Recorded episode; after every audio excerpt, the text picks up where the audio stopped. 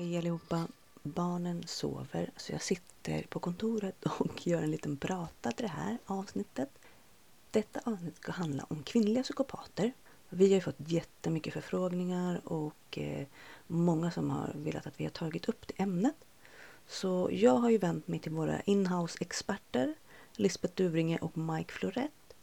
De har ju skrivit flera böcker om ämnet, de har jobbat med det här i över tio år de är en av de främsta experterna, skulle jag säga, i världen faktiskt. Även om de är från Sverige. Men de samarbetar ju med alla stora eh, forskare och experter inom ämnet. Så det fanns inga som jag kände passade bättre för just det här än dem. Vi kommer lägga massa bra länkar och sånt i avsnittet. Och de har ju en väldigt intressant kurs som, där man kan få lära sig allt som de nästan kan om psykopati och eh, psykopatiskt beteende. Så det är så himla intressant så att jag håller på att smälla av. Jag måste ju själv gå den. Det känner jag ju, det går inte. Jag måste gå kursen. Och eh, vi pratade lite mer om det i avsnittet. Så eh, ja, det här var ett jätteintressant avsnitt och jag är jättetacksam för att de ställer upp och eh, vill vara med och hjälpa oss sprida kunskap om det här. Så jag hoppas att ni ehm, ja, gillar avsnittet. Eh, jag har ju märkt att det är många nu som använder narcissism som term. Eh, och det är väl också lite utifrån att vi inte kan ställa diagnoser. Jag och inte ska och inte får. Det här, mm. liksom, att det är liksom en narcissismtrend. Vi pratar om beteenden. Mm. Eh, narcissism är ju något annat än psykopater och psykopatiskt beteende. Vi är experter på psykopatiskt beteende. Vi, vi vet rätt mycket om narcissism också, men vi, mm det vi, vi håller oss till psykopater och psykopatiskt beteende. Det vi är experter på, det vi har mängder av professorer och forskare med oss på. Så det är det vi håller oss till. Det är ju, du vet ju själv, det är väldigt lätt att slänga sig med ord sådär. Men, eh, nej, men jag skulle ju faktiskt nästan vilja inleda att vi har märkt det här glappet med, mellan vad folk tror sig veta och vad de faktiskt kan. Och det är mm. därför vi har gjort den här utbildningen och det kommer jag säkert upprepa i den där intervjun. För det är det vi har märkt. Alltså mm. det finns till och med psykologer och psykiatriker som hör av sig till oss och vill ha hjälp för de inte kan skilja riktigt på det. Det är komplext och det handlar om beteenden. Sen kan, jag, kan man ju tillägga också att vi har ju ett samhälle som i sig eh, då eh, drar åt narcissism mycket mm. mer än vad det har gjort för bara tio år sedan till exempel, tack vare sociala medier. Och, och vi kan väl säga där också, de som skriker ut det här med självkänsla och eh, Alltså man ska vara nästan som en självkänsloguru. Det är de som verkligen skriver böcker om det, föreläser om det. Och det är egentligen katastrof. För tittar man på all forskning och jag som också har examen i psykologi och, och sådär. Eh, om man har för mycket självkänsla, om den är väldigt stark, då är det narcissistiska drag i det. Så att det är ingenting att eftersträva och det är ingenting att hålla sig i överhuvudtaget. Utan det är självtillit och självmedkänsla och det är kopplat till andning och hjärta och det är kopplat till... Eh, alltså självmedkänsla är kopplat till en nerv i kroppen, vagusnerven. Du känner säkert till det här. Och, och, det är därför liksom, man ska jobba med självmedkänsla och det är därför vi har gjort sådana utbildningar nu. Mm. Så att det kan bli rätt någon gång. Vi är otroligt trötta på alla som chansar och ja men mm. det är vi faktiskt. Vi har lagt vår själ i tio år, pratat med så många forskare, skrivit så här mycket böcker, gjort de här unika utbildningarna. Och sen och när det handlar om de här personerna som råkar illa ut så är just att bygga både självmedkänsla men också självtilliten. Ja, är ju, självtillit. Är ju, och de hänger för, ihop. De hänger ihop, ja. Mm. Och det är det som vi lär ut. Mm. Helt enkelt. Hur bygger man sin självtillit och så. Mm. Men visst, i en sån här intervju blir det ju lite generellt och sådär. Men, mm. men alltså, vi säger ju till alla nu som hör av sig till oss. Läs våra böcker, gå våra utbildningar. Vill du ha hjälp, ta vår rådgivning. Och då mm. får man boka in sig helt enkelt. För vi, vi har suttit med tusentals liksom. Mm. Tusentals. Ja. Nej, det går inte. Eh, vi hinner inte jobba då, utan vi jobbar med det här. Det här är våran professionella arbete liksom. Eh, så. Jag vill ju ha mycket kunskap och det, jag tycker ah. det är så viktigt att man har då olika kanaler. Att det finns mm. den där kursen och det är böcker, men liksom bara samla på er så mycket ni bara kan. För det är ah. så läkande med kunskap också. Ja, det är det. Mm. Eh, ja. Annars är det ju bara chansningar och spekulationer och det är inte vi intresserade av längre. Vi, vi, har, vi har tröttnat helt på det. Men om man tänker sig det här med kvinnliga psykopater nu då. Ja. Ja. Hur skiljer sig dragen mellan kvinnor och män när det kommer till de här psykopatiska dragen? Ja, först skulle jag nog vilja säga så här att det är ju intressant att så många människor är nyfikna både på manliga och kvinnliga psykopater. Liksom fascinerar människor över precis hela världen. Liksom. Det är väldigt kittlande och skrämmande med både manliga och kvinnliga psykopater. Och som jag ofta säger, det finns det här gapet mellan vad folk tror sig veta om kvinnliga och manliga psykopater och vad de faktiskt fin- eh, vet. Mm. Men det viktiga är att det är så många som är drabbade. Det här är verkligen ett allvarligt samhällsproblem. Och vi själva har då tagit på oss rollen att liksom bli språkrör för de som är drabbade men också för anhöriga. Och inte minst vill vi utbilda alla som eh, jobbar med det här. Mm. Och tittar vi på eh, psykopatiska drag hos kvinnor och män så mm. är det ju skillnad. Ja, så dragen i sig, psykopat, båda har ju psykopatiska drag. Men de uttrycks på olika sätt. Det är alltså olika beteenden kan man säga. Och vi har ju alltid varit mer intresserade av just beteenden därför att det är ju beteendena som stökar till det. Eh, det är beteendena som, som skadar egentligen. Eh, en person kan ju ha ganska mycket olika drag men det är hur den beter sig som kommer att avgöra. Och man kan ju ta exemplet där kvinnor och män, exemplet med män som utsätts för våld av kvinnor i relationer. Där säger ju Susanne Strand eh, till oss liksom att där får kvinnliga psykopaterna härja helt fritt jämfört med männen. Så mm. där är ju en skillnad. Det är en skillnad. Eh, och eh, sen är det som sagt de, de här beteendena. Och om, om vi tar till exempel, eh, alltså man pratar inte så, mycket, så högt om, du har ju sagt själv här alldeles nyss att det var känsligt va. Mm. Uh, man pratar inte så mycket högt om kvinnligt psykopatiskt beteende. Alltså på något, av något an, någon anledning så är det tabubelagt på något sätt. Mm. Och uh, vi tror och många forskare med oss att det handlar om den här maskulina normen som råder i samhället på något sätt. Alltså man ramar in människor och man bedömer människor och beslutar utifrån manliga normer. Och då, kan ju, då fångar man inte upp de här kvinnliga psykopatiska beteendena på samma sätt eh, och på rätt sätt. Och vilket gör att de, ja, det, det är en risk helt enkelt. För man, de, kan bli, de blir felbedömda. Eh, de kvinnliga? Och, ja, och kan få felaktiga, om, i den mån de får en diagnos, och det är ju sådana som åker fast eller så, så kan de få fel diagnos helt enkelt. Och då kan man inte upptäcka dem så kan man inte skydda deras offer. Eh, men eh, om man tittar på om vi, om vi skulle ha så här.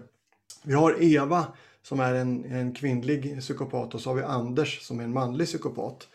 Så kommer Eva inte vara lika aggressiv och, och hotfull som Anders.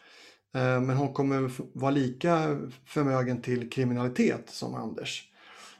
Om båda två är psykopater. Så att, och likadant så kommer Anders troligtvis har börjat sin kriminella bana när han var 14 eller 13 och kanske Eva mer i vuxen ålder börjar visa kriminella beteenden. Och forskning visar ju också att kvinnliga psykopater, och det här skriver vi väldigt mycket om i, i vår bok om kvinnliga psykopater. Just att de, eh, forskning visar att de kvinnliga psykopaterna använder sig av sex just för att manipulera. manipulera. Eh, och det kan vara också antydan, alltså löften löften om sex väldigt mycket. Eh, så att det är väldigt viktigt att försöka lära sig mer och skaffa mer kunskap om det här i, ja, som vi har berättat om tidigare, i vår unika kurs som vi har. Där vi pratar om just det här med kvinnliga psykopater och hur man kan, man, hur man kan bli manipulerad med sex till exempel, eller antydan om sex. Och det kan sluta ganska illa. Mm. Du har ju träffat på en del män som det har gått riktigt, riktigt illa för. Ja, för att även om, om vi nu tar de här Eva och Anders igen då, som några sådana här fiktiva psykopatexempel här så, så kommer Eva troligtvis inte vara eh, eh, våldsam på samma sätt som Anders skulle kunna vara om, om han märker att någon är i vägen för honom på något sätt. Men om någon hotar Eva tillräckligt mycket eh, i de mål hon vill ha så skulle hon kunna bli lika våldsam som Anders. Men det tar längre tid så att säga från kvinnliga psykopaterna. Men vi har också de här, du vet det finns ju filmer, här, om man tittar framförallt såna här gamla 40 och 50-talsfilmer så hade man mycket så här femme fatale. Alltså en farlig kvinna sådär. det är en ganska bra illustration av hur den kvinnliga psykopaten jobbar. Liksom, med, med liksom mer lockande Eh, och lura in folk i, olika fällor. Så sammanfattningsvis kan man väl säga att ja, men utsätts man för en kvinnlig psykopat eller ett kvinnligt psykopatiskt beteende så finns det möjlighet att man i högre grad får liksom stå, stå utan någon förklaring vad man har upplevt eller vad man har drabbats av. Alltså offren får ofta klara sig mer själva. Och många av de män, till exempel som vi har träffat, eller mm. kvinnor när det är samkönat, då tror de liksom att de har förtjänat, förtjänat att de har drabbats. Alltså skammen är väldigt, väldigt stor och skuldkänslorna. Och tystnaden också. Men ingen går ju säker för mm. kvinnliga psykopater. De är mästare på att manipulera och just det här med manipulation, det tar vi också upp i, i både böcker och utbildning och sådär. Mm. Men är de då mer, måste man säga, finkalibrerade då? Eller hur tänker man då liksom? Alltså man kan säga så att eh, e-, Eva skulle jobba mer subtilt om hon kom in på en arbetsplats till exempel och försöker hitta någon att eh, manipulera eh, genom att Ja, är det en man hon ska manipulera då skulle hon kunna bli väldigt sådär flörtig till exempel och så. Medan Anders som kommer in då, manlig psykopat, skulle vara mera eh, försöka liksom charm charmchocka människor och börja ställa väldigt mycket frågor och sånt där.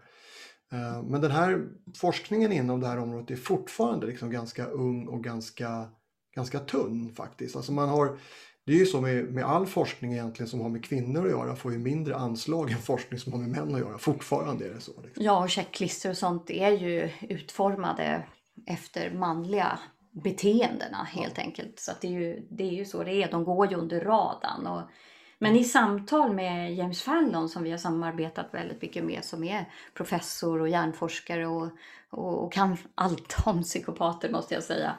Han har gett oss väldigt mycket stöd med våra böcker och han säger ju att ja, det, vi vet bara 5% och om det gäller kvinnor då så kanske vi vet 1 Mm. Men jag tänker de här varningstecknen då som man ska leta efter hos kvinnorna. Vilka varningstecken, typ några stycken då? Har ni några ja, ja, men om vi tar, vi kör den här fiktiva kvinnliga psykopaten Eva här då. Så den här överdrivna liksom flörtigheten på, väldigt snabbt, alltså i, i, en, i en relation med, mellan en person, alltså på ett jobb eller någon, i något annat sammanhang. Det är, det är ju inte normalt så att säga att, att vara så direkt på. Eh, och sen är, är det också, om, man, om, vi säger, vi tar arbetsplatsen som ett exempel, det är ofta ganska tydligt om man tar det, men om, om vi säger att Eva kommer in och är ganska ny och så börjar hon prata med dig och samtidigt så börjar hon utan att liksom egentligen känna till människor på arbetsplatsen kanske börjar liksom baktala eller smutskasta en eh, kollega till dig. Som hon, inte, hon borde inte veta så mycket om den egentligen, tänker man. Eh, därför att då är man inne på en sån här kvinnlig psykopatisk manipulationsmetod som man kallar för social aggression. Eh, så då skulle Eva börja försöka att positionera sig den vägen. Eh, nu ska man ju vara försiktig då liksom och säga så här, nu är hon en psykopat. Men det är ett sådant beteende som man ska, man ska vara, definitivt vara, vara beredd på. Så det finns en direkthet hos både manliga och kvinnliga för den delen. Men att, att man är, som är Alltså man går direkt på, på osedvanligt snabbt.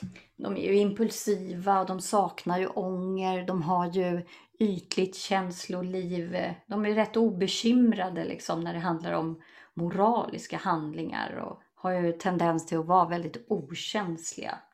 Eh, faktiskt cyniska. Mm. De skapar drama gärna och sådär. Ja, precis. Det är ju en, en eh, de, det är inte alla kvinnliga psykopater faktiskt som, som agerar så.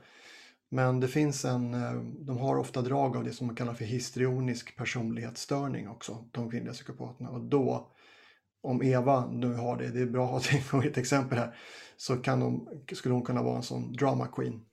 Mm. Mm. Men de har ju alltså bristande ansvarstagande, det är verkligen som man förväntar sig kanske av en mamma till exempel. Mm. Att ha de här moderskänslorna och ta hand om sina barn. Och vi har ju pratat med sådana som har varit barn till kvinnliga psykopater.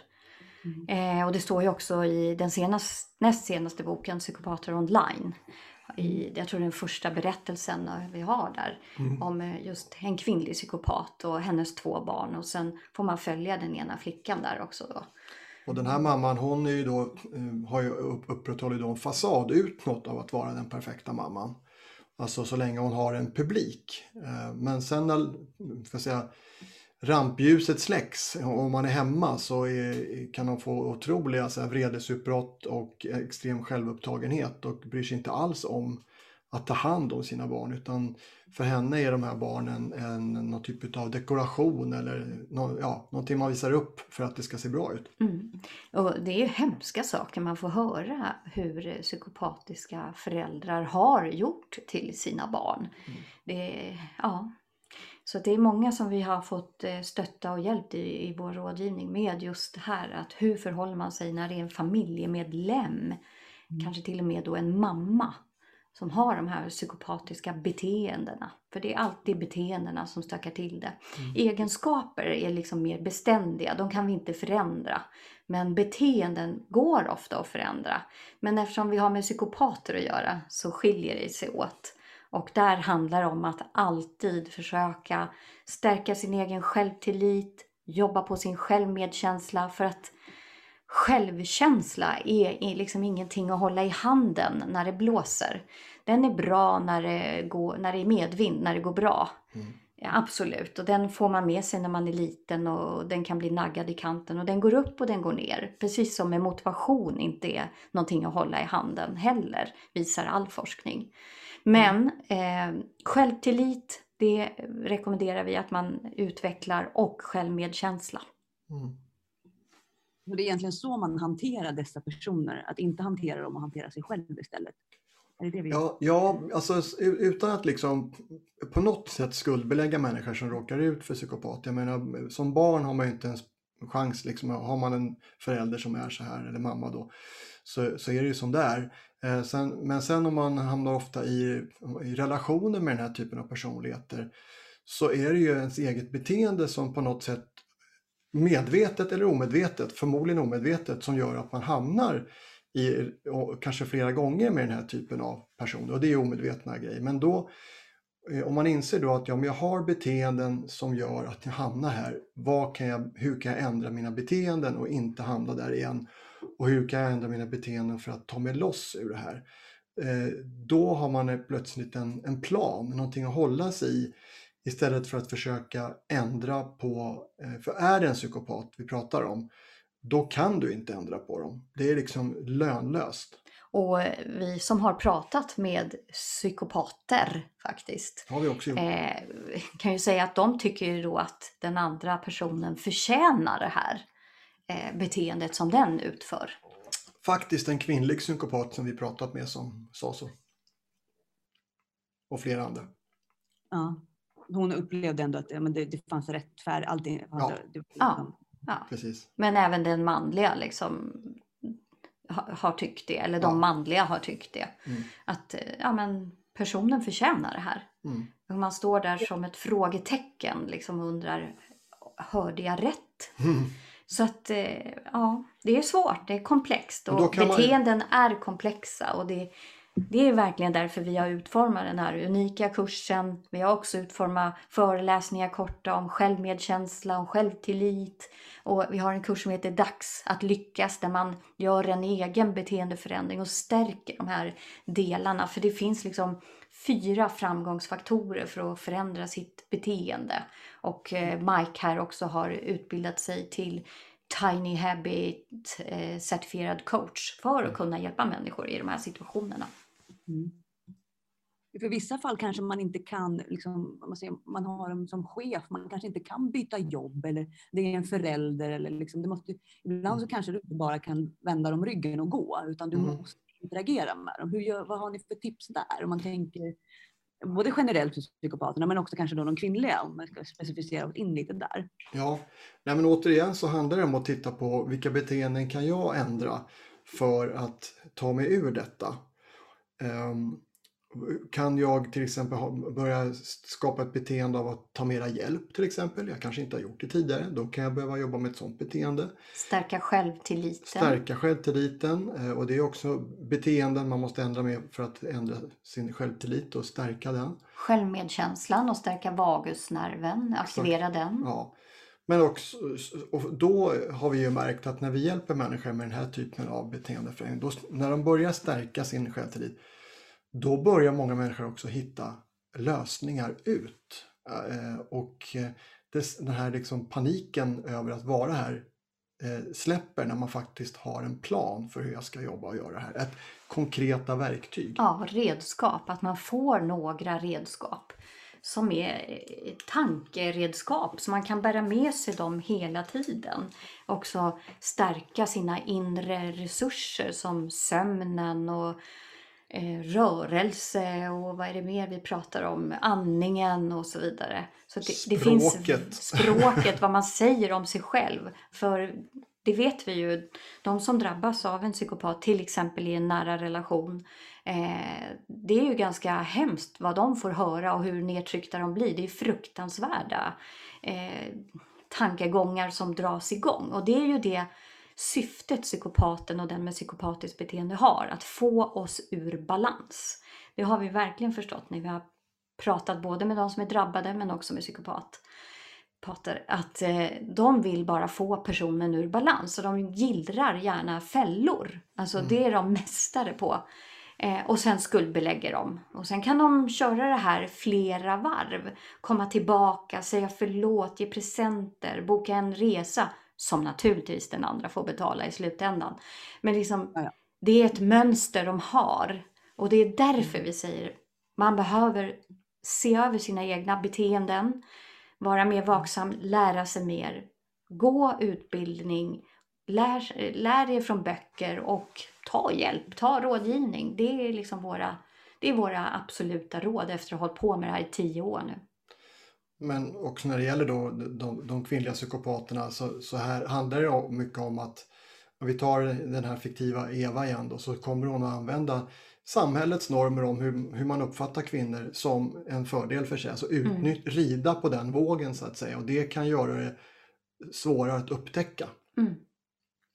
Så att man behöver läsa på, man behöver Precis som man går kurser i annat så behöver man gå kurs i det här och särskilt innan man drabbas. Så har man en anhörig som har drabbats så brukar vi ju stötta dem också men verkligen ge, ge den anhöriga liksom rådet att stanna kvar, stanna kvar. Säg att du finns hela mm. vägen ut oavsett om personen du ska hjälpa puttar bort dig hela tiden eller inte vill höra av sig. Men hör av dig du då, skicka ett sms.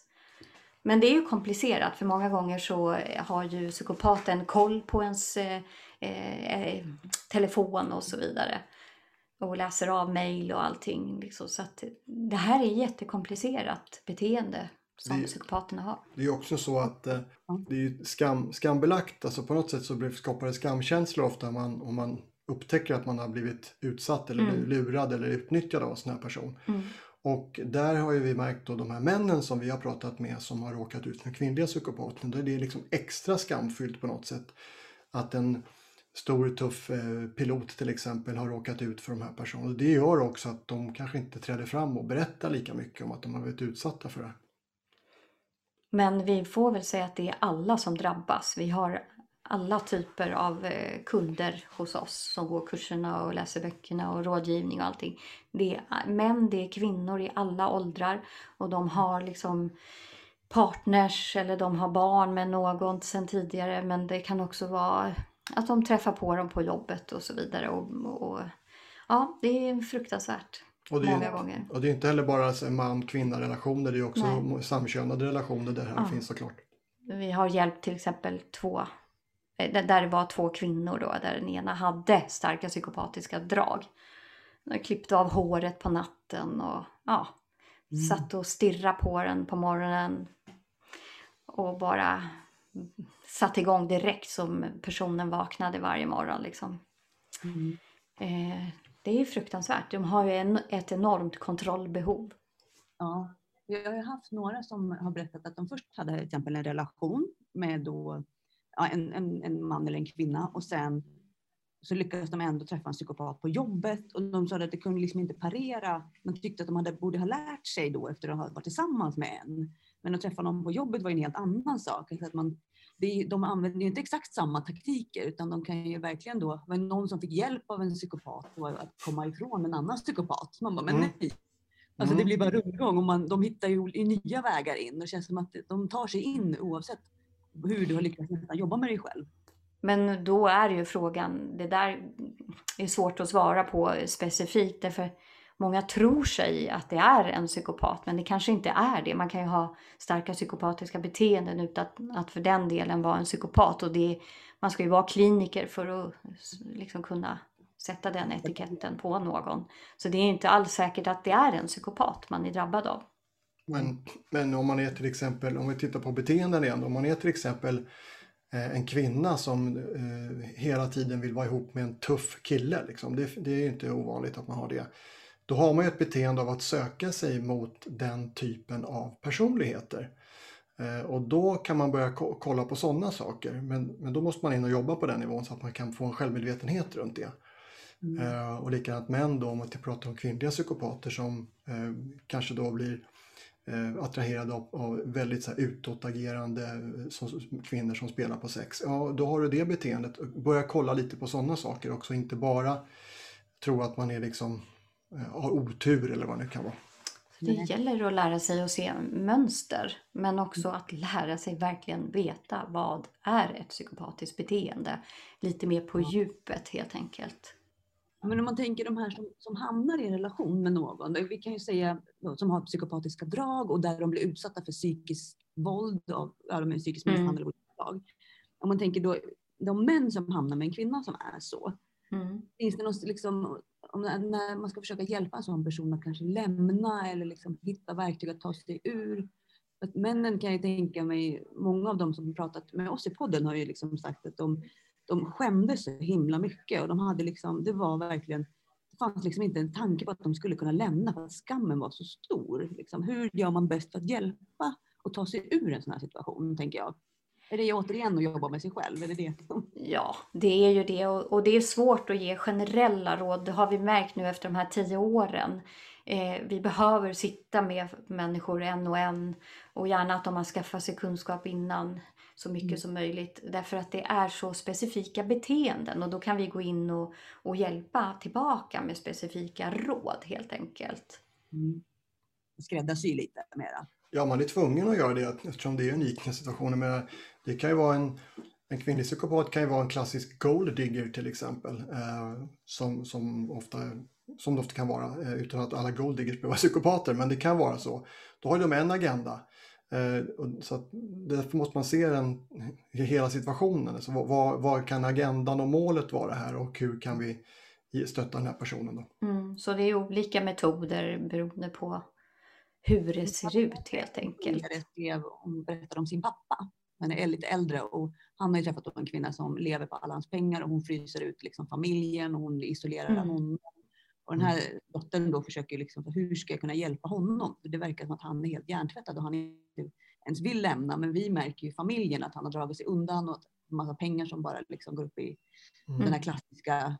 Mm. Det är svårt när han själv då känner väl kanske inte riktigt att han behöver ta sig därifrån heller. Men barnen och familjen runt omkring är oroliga. Liksom. Mm. Hur gör man där, tänker jag. Bara. Ja, det där är faktiskt ett klassiskt fall måste jag säga som vi får väldigt ofta eh, att det är någon anhörig då som hör av sig.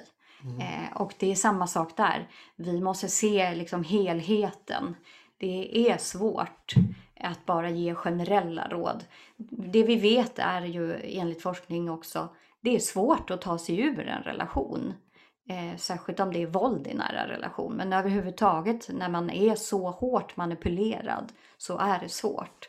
Det är också svårt för anhöriga att kliva in och de kan, det, kan ju bli, det kan stöka till det ganska mycket. Men eh, generellt så kan vi säga man behöver få specifika råd därför att det är en specifik situation. Och I de här fallen så, så hjälper det tyvärr inte att leverera en massa fakta till den här Nej. mannen då till exempel. För det här handlar om att hans limbiska system i hjärnan, det vill säga känslorna, det är så starkt påverkat av den här kvinnan förmodligen så att det behövs andra saker för att han ska kunna ta sig ur det. Mm. Han är lite beroende av henne då kan jag tänka.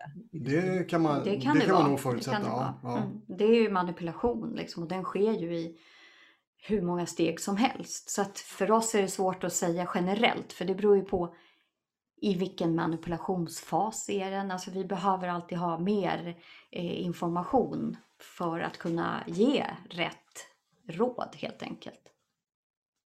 Ja.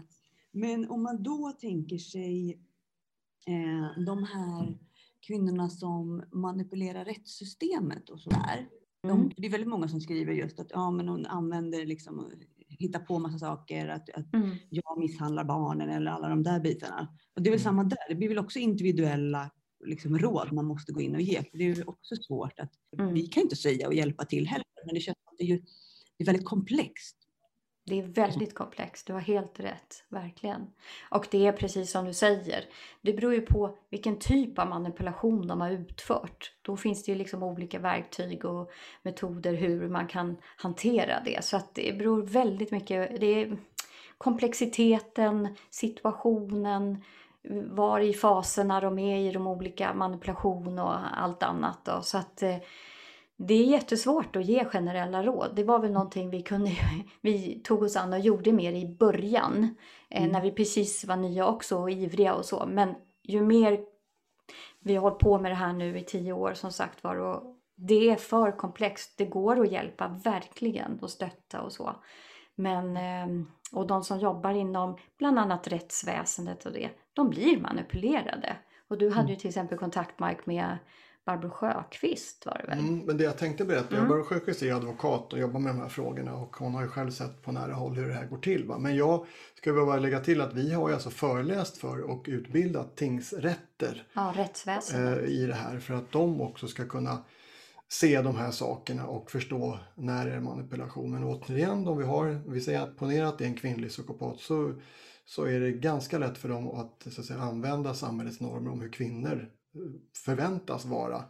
De förväntas vara omhändertagande mammor och, och, och softa liksom. Eh, och då, eh, då krävs det mycket kunskap hos de som ska bedöma det här för att kunna genomskåda det. Mm.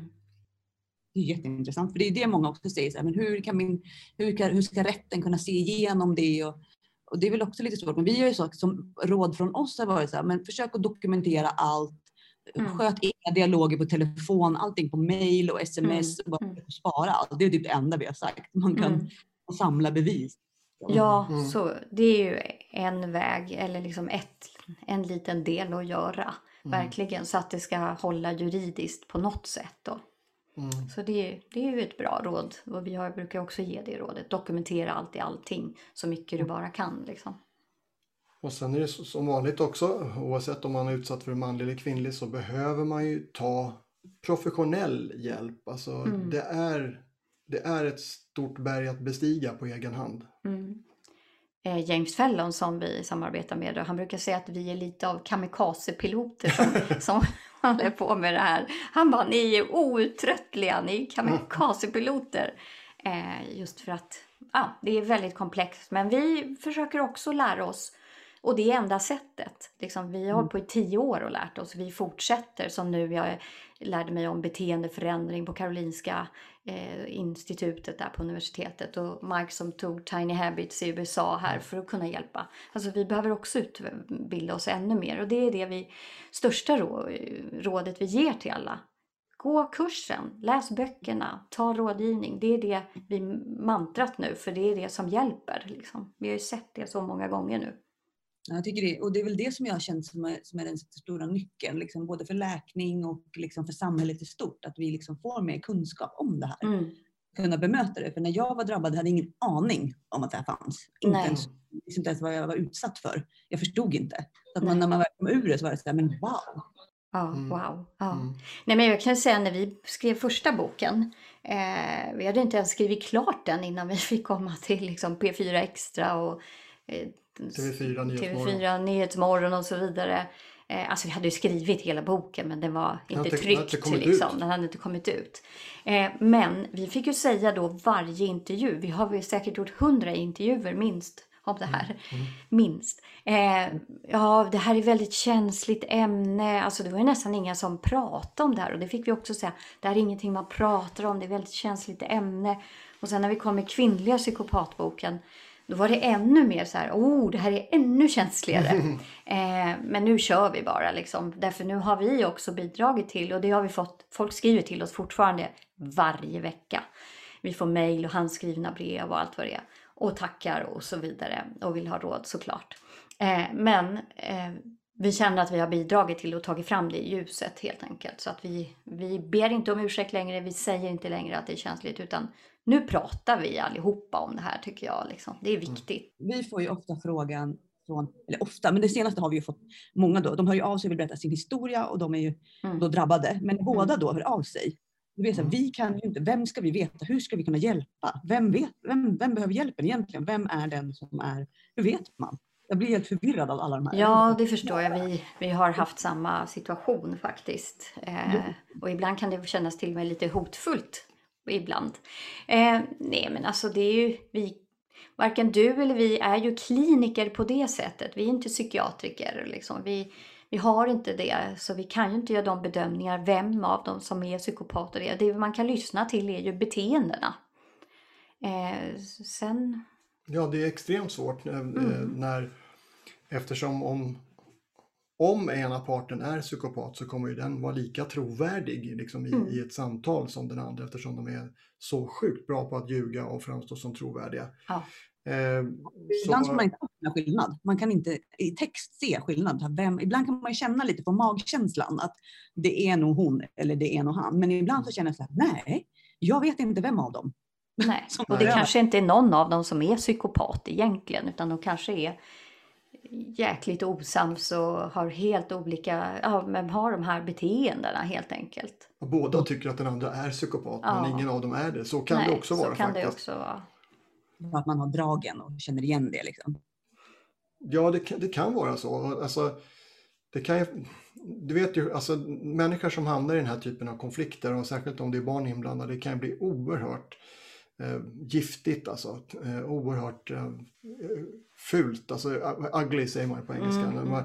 där, där, man, där folk nästan gör vad som helst och då kan man börja också projicera en massa olika sådana här drag och beteende på den andra personen fast den kanske inte har det i samma, samma höga utsträckning som det skulle behövas för att det skulle vara en psykopat. Eh, så där finns det inget generellt man kan göra heller. Eh, utan om man ska, ja, det är, Lära är- sig det mer. Det är lära sig Mm, mer och sen ja. så som du sa, liksom, har man textkommunikation och möjligtvis att man kan börja ställa en massa känslomässiga Mm. frågor. Den som inte kan svara på de känslomässiga har större chans att det är en psykopat än den andra då i så fall. Och just de där delarna, de har vi skrivit om i Psykopater online. Just hur man kan upptäcka den här typen av i texter och sådär, om det drar åt de här beteendena helt enkelt. Mm. Men jag tänker, och just om man ska runda av de här, det här avsnittet just utifrån det kvinnliga perspektivet. Mm. Vad, har ni någonting sådär sista eh, som vi kan knyta ihop det med? Något, något råd eller någon anekdot, någonting som ni känner att men det här, det här kan sammanfatta något, lite. Ja, alltså det, det är ju det som är lite lurigt med det här. Alltså det, Så Det- här, vi skulle kunna bara rabbla fem tips, liksom, men det har vi ju gjort hundra gånger förut. Och Mm. Det står och finns överallt om du googlar och det. Och vi vet att det räcker ju inte särskilt. Nej, men jag skulle sammanfatta det med att eh, eh, för det första om man, eh, om man tror att alltså, man ska inte man ska inte bedöma folk och tro bara att vem som helst är psykopat för att den beter sig på ett verkligt sätt. Men man ska heller inte vara naiv åt andra hållet. Och särskilt inte när det gäller eh, Ofta vill man säga att det är ju en tjej det där, inte kan väl hon vara sån. Liksom. Utan att man faktiskt är eh, på, kan vara lite på sin vakt också. Det är, det är de generella råden som vi har. Liksom, att inte öppna upp direkt. Särskilt i de här tiderna när folk eh, dejtar online och så vidare. Sen är det det att stärka sin självtillit och eh, jobba med sin självmedkänsla. Eh, då påverkar du liksom vagusnerven och eh, den kontrollerar andning och hjärta och så vidare. Och sen är det också den här använda dina inre resurser som sömn och rörelse och så vidare. Och det finns också ytterligare en faktor att om man är lite mer eh, Alltså om man är mer, mer i sig själv och mer, eh, har bättre självtillit och så vidare, då är du heller inte, av någon anledning så är du inte ett lika attraktivt offer för psykopater. Därför de söker sig till människor som ligger lågt på de här delarna. För det är mycket lättare för dem att manipulera. Och det säger psykopaterna själva som vi har pratat med också. De vet vilka de ska rikta in De sig vet på. exakt vilka de... De säger så här, vi kan nosa oss till, vi kan dofta oss till vilka vi ska eh, söka upp. Liksom. Vi kan se på en restaurang, ett café, var vi än är. Liksom. Vi, kan, vi, vi vet vem vi ska hoppa på. Liksom. Vi brukar säga att de ser en sår. De ser liksom vägen in på något sätt. De hittar den in. Mm. Ja. Mm, så är det. Så. det De är bra. inte som oss andra. De skiljer sig väldigt mycket åt och det tycker jag är väl eh, någonting nummer ett man ska lära sig. Det går inte att påverka och ändra dem. Det går inte. Eh, Det finns få försök gjorda och så, men vi som enskild person drabbad i en relation, vi ska inte tro att vi kan det liksom, och vara duktiga och hjälpa till. Och sen nummer två, de är inte som oss andra. De är väldigt annorlunda och det säger till exempel eh, Michael Woodward. Woodworth ja, som Ja, vi han säger det. Han har träffat mycket psykopater och, i forskningssammanhang och han säger nej, de är helt annorlunda. För mig har det varit så viktigt att vi har lite online-grejer att erbjuda. Och jag tycker det är Mm. jättebra på kursen. För det är också för många av våra följare, de är i hela Sverige. Mm, De har inte mm. möjlighet att komma till Stockholm. Eller de liksom, så att där, är- jag vill hitta något forum eller någonting där man vet att här är det vettig information. Så man vet att det Mm. kommer från en vettig källa. Det är inte bara någon som sitter och bloggar. För det har ju vi hållit på med. Skrivit blogginlägg och sådär. Men det är fortfarande, vi är inte, vi kan ju bara återberätta. Men jag Mm. där känner att det här är liksom en, det är hellre, jag gör hellre reklam och pushar sånt här. För då vet man att då kommer det från riktiga proffs. Än Källor. och hobbyanalyserar lite. Mm. Alltså det som jag i varje fall är väldigt stolt över det är just att vi har vågat oss på att skriva sådana kvinnliga psykopater som inte finns. Ja men James Fallon till exempel, han säger det finns ingen annan bok i hela världen som handlar om kvinnliga psykopater. Det finns ingen. Eller kursen, det finns ingen bok eller kurs. Den är liksom, vi har två unika eh, produkter faktiskt och de finns här i Sverige på svenska. Så ja, vi hoppas att människor ska ta till sig det, men vi, vi pushar inte så hårt. Jag tänker den boken, Kvinnliga psykopater, den finns ju, köper man den hos er nu eller ligger den hos bokförlaget? Eller hur? Det är ett förlag som... Den, den finns i, eh, i Den är ändå bokhandeln. några år gammal, men den är fortfarande aktuell. jag. Den kan man ju ändå liksom göra lite reklam för igen i den här Ja. Den också. säljer fortfarande Den kan jag säljer säga. bra faktiskt Ja. eh, fortfarande och det är vi glada för. Och, och sista boken sålde vi till Finland och så vidare. Så där har ett förlag tagit in den och vi har fått förfrågan så här, men har ni inte eran kurs på engelska och så vidare. Därför att det, det finns så lite sånt här. Ja, men jag är väldigt glad att ni, ni är lite vår inhouse-expert. Jag är, tack, är tacksam för det. Ja. För det känns tryggt att jag alltid kan skicka någonting till er och luta mig mot att de vet vad de pratar om. Prata med dem. Mm. Jag har liksom alltid er som en go-to. Ja. Ja. Och vet inte vi så frågar vi ju alltid Fallon till exempel eller Michael eller någon annan. Precis. Vi har ju täckning Ja. bakåt. Tack snälla Lisbeth och Mike för att vi fick ha med er i det här avsnittet. Och jag tänkte bara flika in med att eh, www.psykopater.nu där hittar ni all info om vad de har för böcker och kursen och alla grejer som de erbjuder. Så att, ja, jag tycker det är fantastiskt. Så att, gå in där och kika och, eh, ja, och gå kursen framförallt. Den, eh, jag kommer göra det. Jag måste göra det. Och eh, sen vill jag bara flika in att det är så himla viktigt för mig att ingen känner att man har någon skuld i det här själv. Att okej, om du bara hade gjort det här eller si så. För mig handlar det väldigt mycket om att hade jag inte träffat den här personen så hade jag inte blivit utsatt för det här. Men det finns någonting i mig som gör att jag inte jag hade ingen aning och jag kunde inte parera och jag hade så mycket sår inom mig som den här personen använde för att ta sig in. Och när Lisbeth och Mike pratar om att ja, men vi vill att man ska bygga upp sig själv och att man, i den här kursen får man lära sig allt om psykopati men man får också hjälp att hur skyddar jag mig själv från de här personerna? För att alla har vi någon väg in. Och är det inte så att den här personen, den här personen med psykopatiska drag hittar en bra väg in.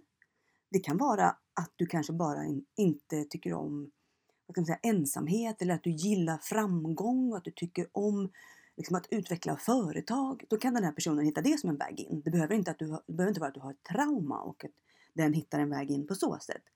Men alla vi har, eller de flesta av oss har i alla fall någon väg in som den här personen försöker hitta. De har radar på det. Och det är där vi pratar om att man kan jobba med sig själv. Men jag tycker också det är jätteviktigt, jag vill verkligen förtydliga att det handlar inte om att man ska ta på sig någon skuld. Att man hade kunnat gjort på något annat sätt. Eh, för då blir det den här skuldfrågan igen. att Okej, okay, men om jag bara hade gått den här kursen för 20 år sedan, då hade inte jag hamnat här. Kanske. Men det är heller inga hundraprocentig garanti för att den här personen som du träffar kanske hittar en ny väg in hos dig.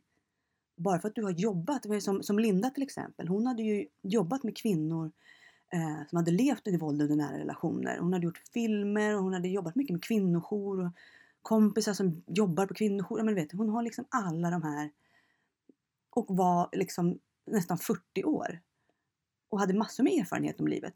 Men det spelade ingen roll för förövaren hittade hennes väg in den, en annan väg. Hittade liksom, så att det, där är det så himla viktigt att man också förstår att man, man kan inte skydda sig till 100%. De här personerna kan ju, alltså de kan hitta så mycket saker så att du, ja, det spelar ingen roll hur mycket du jobbar. Men det kan ändå finnas en, en viss del hos dig, kan, du kan skydda dig lite mer. Och att du kanske fortare får upp de här varningsflaggorna och känner att okej, okay, men stopp. Stopp, stopp, stopp, stopp, stopp. Och att du kanske hittar ett sätt att skydda dig själv från att inte jag hade ju, när jag träffade min psykopat, hade jag väldigt svårt att säga nej. Eh, men idag hade jag ju haft mycket, mycket tuffare, alltså jag hade ju varit tuffare på det om jag hade träffat någon innan. För man vet, okej, okay, flyttar vi ihop så blir allting mycket svårare. Så där hade jag nog försökt in i det sista att okej, okay, jag ska bo själv så mycket jag bara kan. Tills jag har lärt känna den här personen. Och det hade jag nog. Sen är det lättare för mig att stå här och säga det idag. Det är inte säkert att jag hade grejat det en gång till. För den andra personen hade säkert hittat något nytt som... Ja, så att det är så svårt att säga. Men jag vill bara att ni ska... Att ni, att ni inte någonstans sitter där ute och bara känner så här att... Oh, tänk om jag bara hade gjort så här. Ja, för det, det kan vi hålla på att tänka i hundra år och det hjälper inte våran läkning. Och det handlar fortfarande om att skulden och skammen är förövaren. Utan den personen så blir det inte så här. Det är bara så. Hade inte förövaren funnits i mitt liv så hade jag inte varit utsatt för det här. Då kanske jag hade träffat en annan förövare. Men det spelar ingen roll. För jag hade inte utsatt mig själv för det här. Utan det är en annan person som utsätter mig för det här. Som utsätter mig för våldet, som utsätter mig för alla kränkningar, som utsätter mig för den här misshandeln. Det är ju inte jag själv. Så att det är bara, jag vill bara så förtydliga det.